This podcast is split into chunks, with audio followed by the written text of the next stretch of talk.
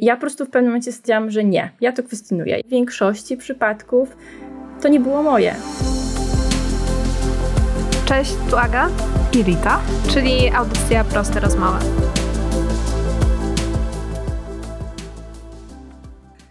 Dzisiejszy odcinek jest specjalny, ponieważ mamy gościnne wystąpienie wspaniałej osoby, e, którą obserwuję i myślę, że znam trochę od lat. I jest nią Ula Łupińska.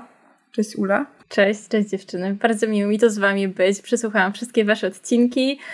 I tak jak Wam już mówiłam wcześniej, zawsze marzę o tym, żeby móc Wam się wtrącić do odcinka i coś dopowiedzieć, a teraz proszę, jestem tutaj.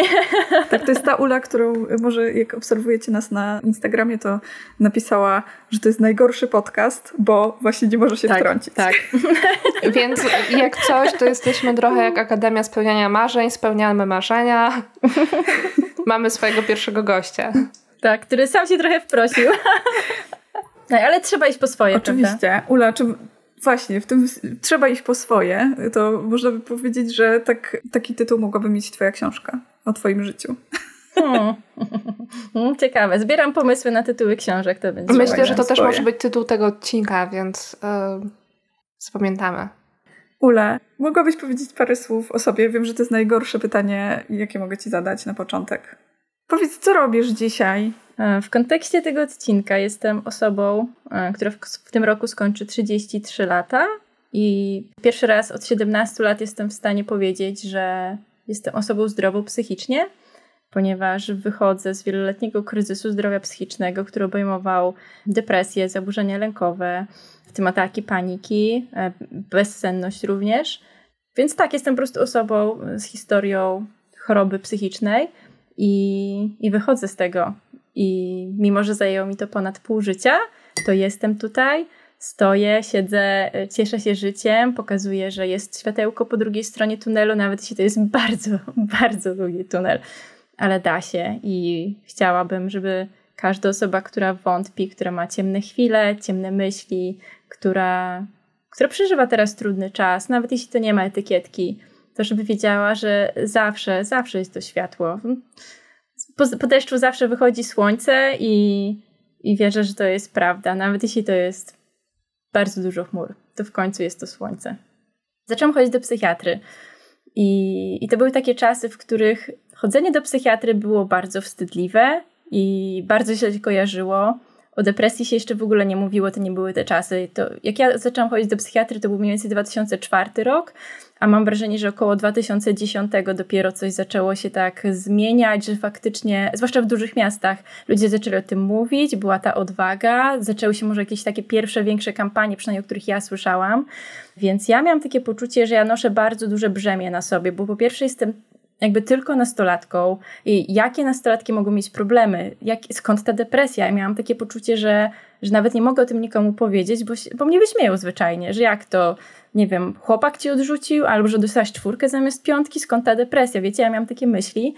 E, ale no ja miałam depresję, ja miałam zaburzenia lękowe bardzo długo, których nawet nie umiałam nazwać, bo ja nie wiedziałam, że to są zaburzenia lękowe, a moje pierwsze wspomnienie jest, y, związane z zaburzeniami lękowymi to są moje drugie urodziny wiecie, ja mam 32 lata i od przynajmniej 30 lat mam zaburzenia lękowe. Miałam ataki paniki i nie wiedziałam, co to jest. Po prostu myślałam, że to jest część bycia człowiekiem, e, że takie coś się zdarza, bo nikt o tym w moim otoczeniu nie mówił. Więc ja też nie mówiłam, no bo po co? Tak jak nie mówię o tym, że idę siku za każdym razem, po prostu to robię. To, to nie mówiłam też o tym, albo mruganie. No wiecie, to są takie durne rzeczy, ale dla mnie jako osoby autystycznej, która pewnej rzeczy sobie nie uświadamiała, myślałam, że wszyscy tak mają. Więc no, jest jakby to bardzo długa historia i, i no ja się śmieję, że moja depresja zaraz byłaby pełnoletnia, no bo zajęła taki kawał mojego życia. No ale tak, miałam 16 lat, zaczęłam chodzić do psychiatry, zaczęłam brać leki, nie miałam o tym z kim porozmawiać, nie miałam rodziców. Mój tata chorował, a później wyjechał za granicę, żeby pracować, więc byłam tylko ja sama z mamą i z moją młodszą siostrą. Mama musiała pracować za, za dwoje rodziców, wychowywać za dwoje rodziców. E, to było trudne, zwłaszcza, że miałam dość trudną relację z mamą w tamtym okresie. Dopiero teraz mamy bardzo fajną, taką kumpelską i dorosłą. No i to było bardzo, bardzo duże brzemię.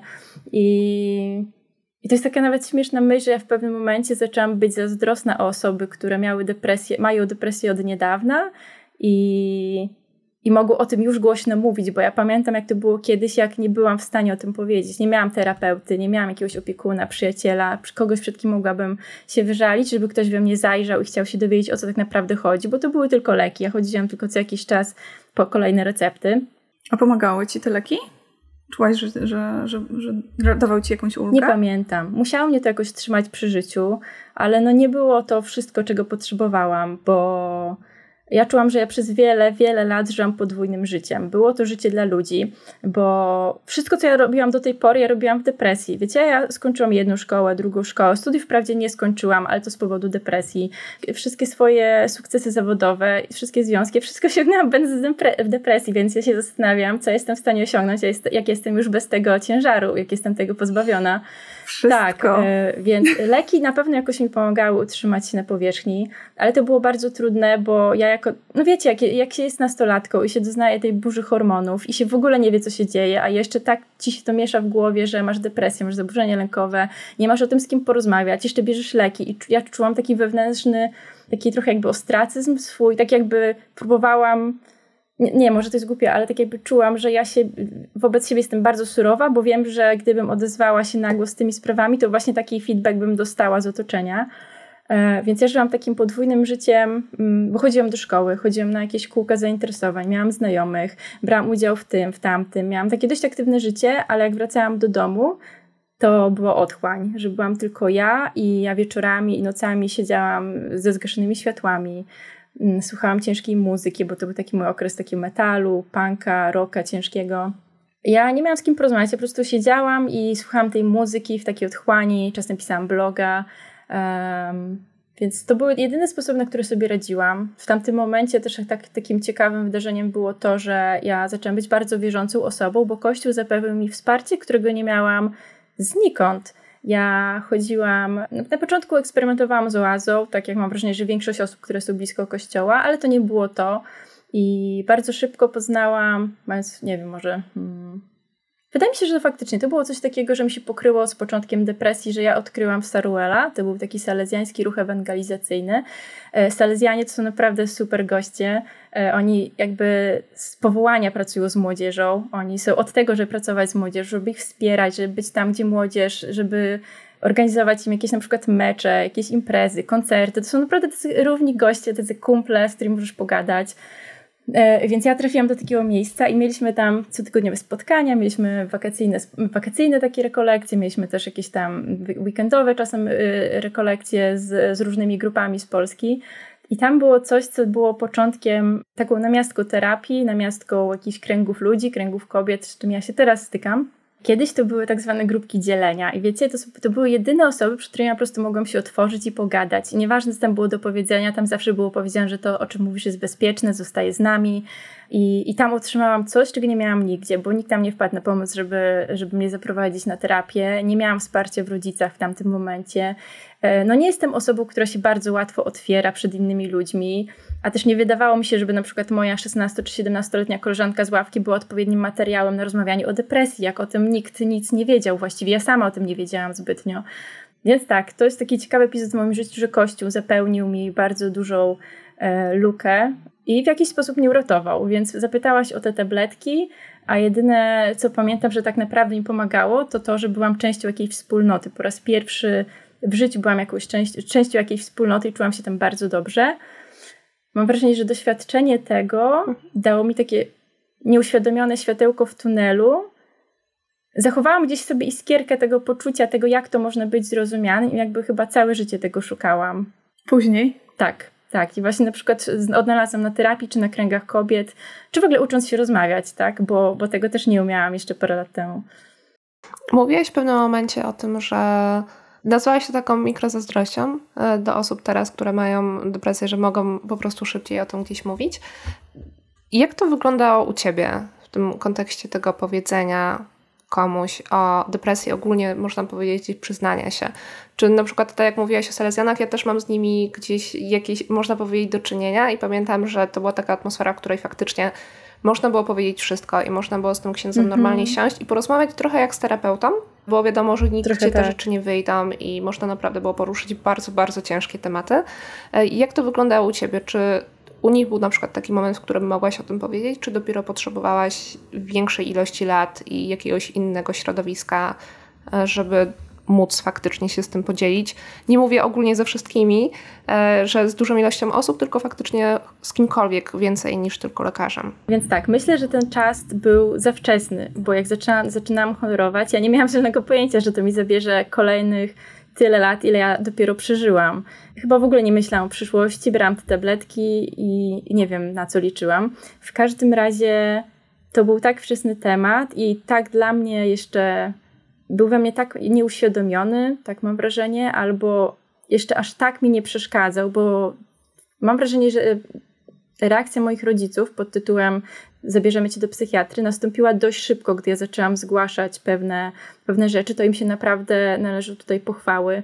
Super, właśnie. No. Że, tak, że otrzymałam to wsparcie, że owszem, nie miałam może takiego wsparcia bezpośrednio na linii, na przykład ja, mama, bo, bo mama na przykład nie umiała mi pomóc w tamtym momencie, ale faktycznie zadbała o tę opiekę lekarską. To jest tak, e, że, że jestem za to wdzięczna że nikt tego nie wyśmiał, że nikt tego nie zlekceważył, że nie uznał, że to są jakieś wymysły nastolatki. Ale brałam te tabletki, chyba wydawało mi się, że po prostu będzie dobrze. No bo do tej pory, jak brałam tabletki jako dziewczynka, czy, czy mama o mnie dbała, wiecie, jak byłam chora, to zawsze w końcu zaczynałam być zdrowa. I nawet o tym nie myślałam kiedyś, że to może zabrać mi ileś tam lat, więc ja chyba o tym też w ogóle nie myślałam, żeby mówić.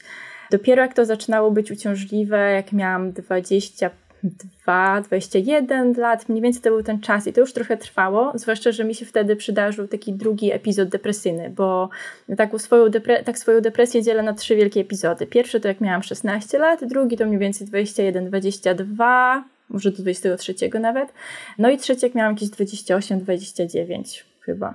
Teraz mogę troszkę się pomylić. W każdym razie, jak zaczął się ten drugi epizod depresyjny i zobaczyłam, że ja wychodziłam z tej choroby, tak mi się wydawało, że już będzie dobrze, i nagle znów wszystko mi się rozpadło i wszystko mi się rozsypało, i zaczynałam znowu sobie układać to całe zburzone życie na nowo, to wtedy zaczynałam powoli mówić, ale to tak bardzo delikatnie i ostrożnie, i tak w takich rozmowach tylko jeden na jeden i tylko wybranym osobom nie, nie miałam chyba jakiegoś takiego wzorca reakcji, którego bym się spodziewała albo oczekiwanej odpowiedzi. Pamiętam tylko, że być może ta informacja była za duża dla pewnych osób, może nie wiedziała jak zareagować. Y, nie otrzymałam nigdy jakiejś negatywnej reakcji, jakiegoś wyśmiania, właśnie to, czego się obawiałam tyle lat, ani jakiegoś y, niedowierzania, niechęci, czyli wszystko, czego się obawiałam, nie spełniło się.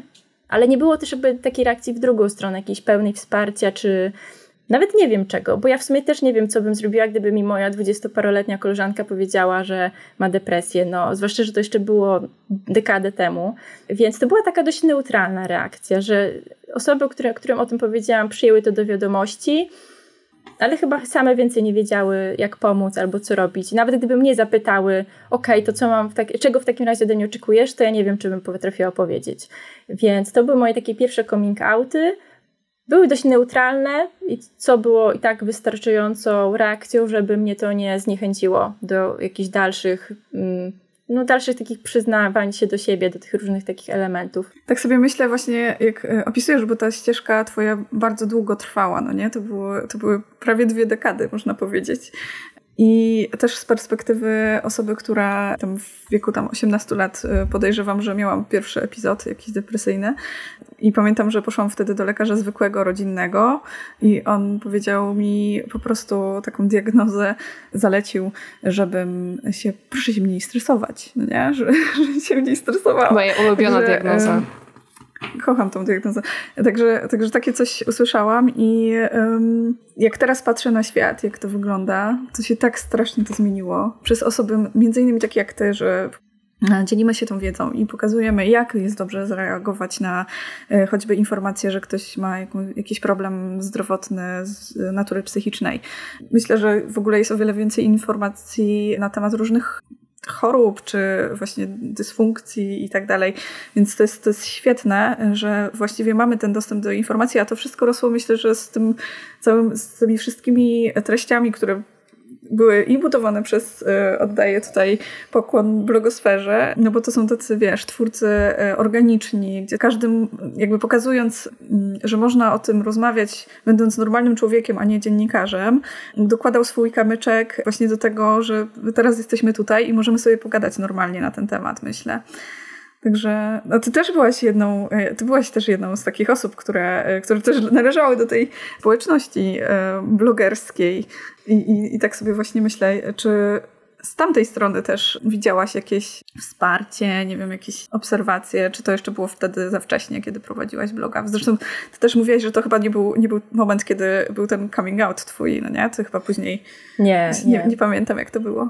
No, ten, ten mój taki też epizod w blogosferze, kiedy ja naprawdę dość szybko i dość szybko się rozkręciłam i byłam dość rozpoznawalna i, i te zasięgi mm. rosły i tak dalej. No wiecie, jakby z tych wszystkich stron od strony numerków i statystyk, no ja naprawdę bardzo szybko osiągnęłam pewien fajny pułap. E, co było i fajne, i nie, ale po paru latach bycia w blogosferze, pisania blogów, udzielania się w mediach, gdzieś tam w radiu, w telewizji, byłam zapraszana przecież na konferencje, bo ja występowałam i tak dalej. Miałam dużo takich naprawdę super sukcesów. Ja się z tego bardzo cieszę, bo to były takie bardzo jasne momenty w moim życiu.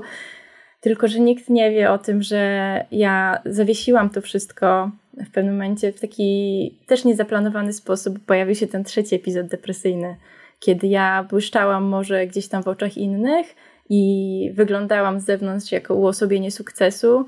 I, I też jak ostatnio gdzieś odnalazłam zdjęcia z tamtego czasu, no teraz mnie nie widać, e, bo mówimy tylko, ale no ja nie noszę na co dzień makijażu i ubieram się wygodnie i tak dalej, ale to był tamten czas, kiedy ja bardzo aspirowałam do bycia taką instagramerką i miałam ciągle kompleksy, że nie mam takiego białego mieszkania i wiecie, w stylu skandynawskim i wtedy nosiłam taki makijaż bardzo mocny, co było dla mnie gdzieś tam zabawą, ale, ale jakby to jest zupełnie inna osoba niż, niż ta, którą ja jestem teraz. E, I faktycznie ja z zewnątrz starałam się, e, żeby wszystko wyglądało ok, ale w środku mnie w pewnym momencie pojawiła się zgnilizna. Naprawdę było bardzo źle w pewnym momencie. Ja potrafiłam otworzyć Instagrama, przeskrolować trzy zdjęcia. Y, wszystko to, co tam było, to w większości byli moi znajomi lub znajome z blogosfery. Ja po tych trzech zdjęciach po prostu w bek i pół godziny, godzinę dłużej po prostu ryczałam, że, że nawet nie wiem co, że nie mam tak idealnego życia, że, że, że wszyscy mają tak super dookoła mnie, a ja tutaj właśnie leżę w łóżku i, i płaczę przez pół dnia. Więc, więc tak, więc bycie blogerką, bycie, bycie panią korektor było w tamtym momencie fantastyczne, ale też wyszło na jaw to, że ja nie mam cały czas narzędzi do radzenia sobie ze słabszymi momentami i że jeszcze ta moja taka samoświadomość nie jest aż tak automatyczna jak na przykład teraz, bo teraz ta moja samoświadomość to, to działa non-stop, mam wrażenie. Czasami tylko mam jakieś takie momenty y, słabsze, ale to, to po prostu jest część bycia człowiekiem. Ale wtedy ja przed sobą przez co najmniej rok chyba nie umiałam przyznać, że faktycznie ja tyle lat choruję na depresję, miałam już dwa wielkie epizody depresyjne i teraz jest trzeci, ale ja nadal jestem na niego ślepa, bo tak bardzo nie chcę przyznać, że to jest prawda, że nie przyznawałam się do tego samą przed sobą, a jednocześnie odmawiałam w ten sposób sobie pomocy. No bo, no bo no co miałabym zrobić, jak wszystkim dookoła mówię, że jest ok, dlaczego miałabym iść do lekarza? Mm, Zwłaszcza, tak. że też i, i, też takie zachowanie y, nasz, nas samych wobec siebie, no nie? że takie brak skonfrontowania tego ze sobą i przyznania, to jeszcze bardziej pogłębia właściwie te y, objawy, no nie? Bo jeszcze bardziej jesteśmy jakby oddzieleni od naszej samoświadomości i po prostu tak. nie komunikujemy się z sobą samym, no nie? No jest coraz większy kontrast i taki rozstrzał między tym, co w środku, a tym, co na zewnątrz.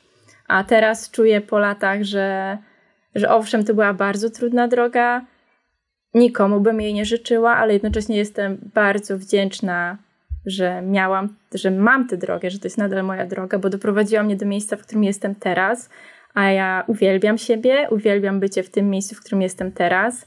Mm, czuję, że między moim wnętrzem a zewnętrznym, jest coraz większa harmonia. I w tym między innymi pomogła mi właśnie diagnoza, bo ona mi posklejała te wszystkie elementy siebie, dała narzędzia i dała mi możliwość zrozumienia siebie, zrozumienia swojej odmienności, którą mam naturalnie całe życie i całe życie to czułam, ale, ale nikt nigdy tego nie nazwał. Wiecie, nienazwane to trochę tak jakby nie istniało. E, nie, tak jak nie wiedziałam, że mam zaburzenie lękowe, bo nie miałam na to słów i nie znałam definicji tego, to nie umiałam powiedzieć, co mi dolega, bo myślałam, że tak mają wszyscy. To tak samo jest z tym autyzmem, że, że ja zawsze czułam, że coś jest, coś jest ze mną troszkę inaczej niż z innymi ludźmi, że ja inaczej postrzegam świat, że ja no kurczę, że ogląd gdy oglądam świat i patrzę na to, jak inni się zachowują, to ja widzę, że ja za każdym razem mam jakieś inne wzorce. Wspomniałeś, że to jest Twoja ścieżka i że jesteś wdzięczna właśnie, że masz tą swoją gdzieś ścieżkę. Jakbyś teraz na to, patrząc właśnie po tych wszystkich, po 17 latach, patrzyła na tą ścieżkę i trochę jak właśnie z Tobą rozmawiamy i Ciebie słuchamy, no to można dojść do takiego momentu, że mam wrażenie przynajmniej, jak o tym mówisz, że nawet jeśli błądziłaś gdzieś przez tyle lat, przez 17 lat, przez prawie pełnoletność e, procesu, to doszłaś do momentu, w którym można powiedzieć, że jeśli ktoś na przykład by gdzieś błądził, słuchając tego, mógłby mieć takie wrażenie, że nawet jeśli to jest bardzo długi okres, to w pewnym momencie faktycznie może być lepiej. Czy masz teraz takie odczucia o tym procesie, czy jak ogólnie do tego procesu oprócz tej wdzięczności podchodzisz? Tak, tak. Ja jeszcze bardzo ostrożnie, ale już z coraz większą śmiałością mimo wszystko zaczynam używać słów takich, że wyleczyłam się, że wychodzę z tego, że wyszłam z tego.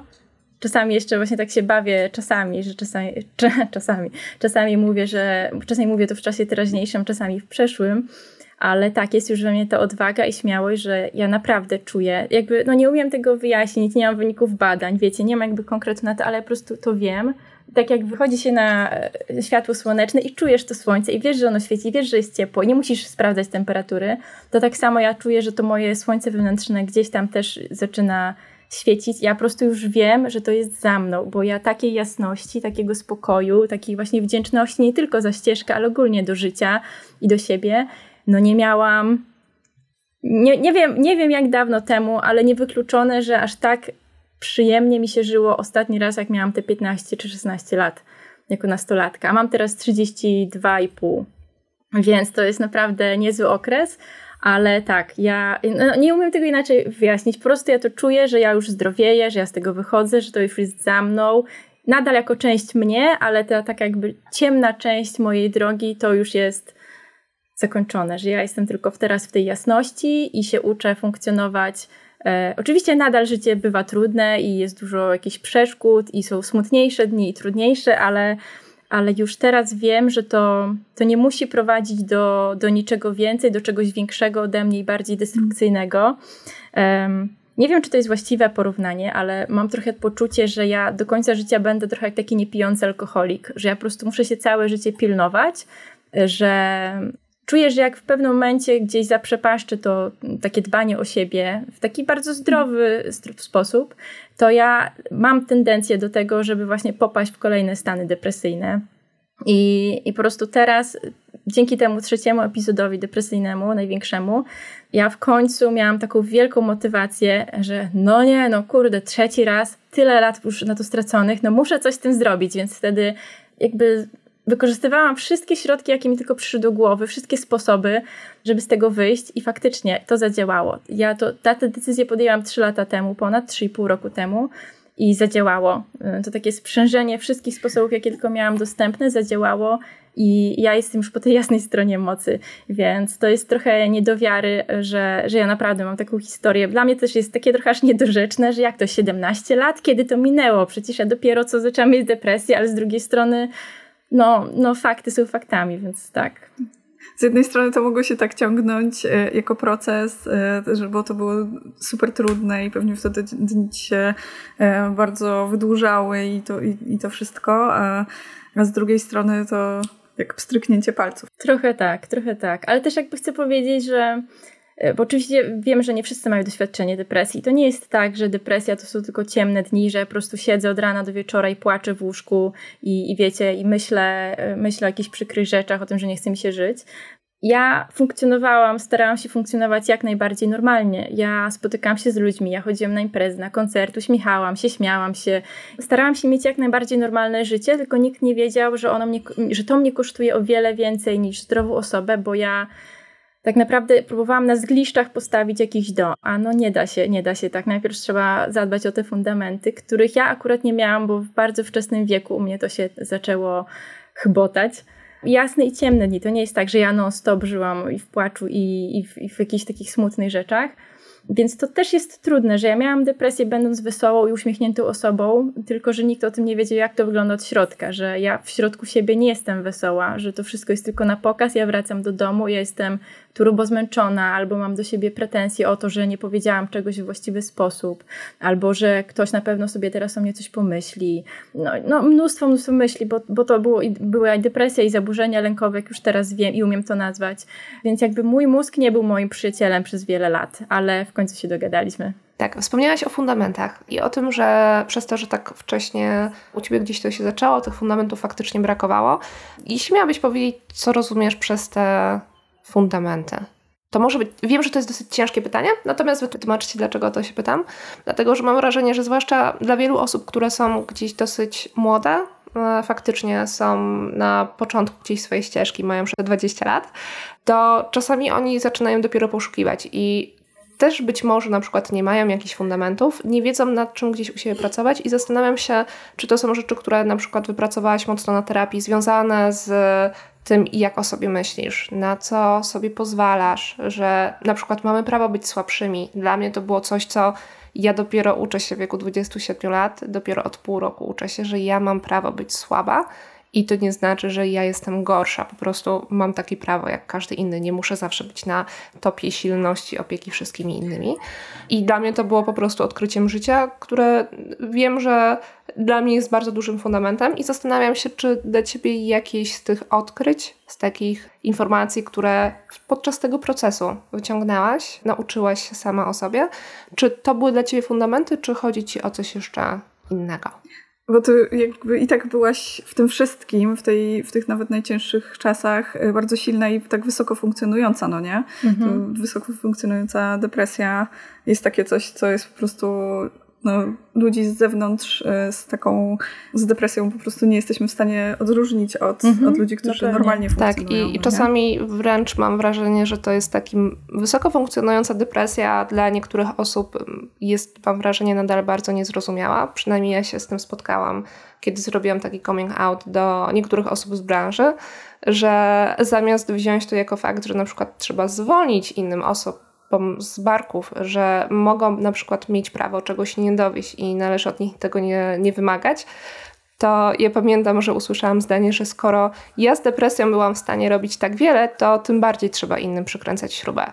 Co było totalnym, totalną gdzieś przeciwnością. W jakim środowisku ty to usłyszałaś, Aga?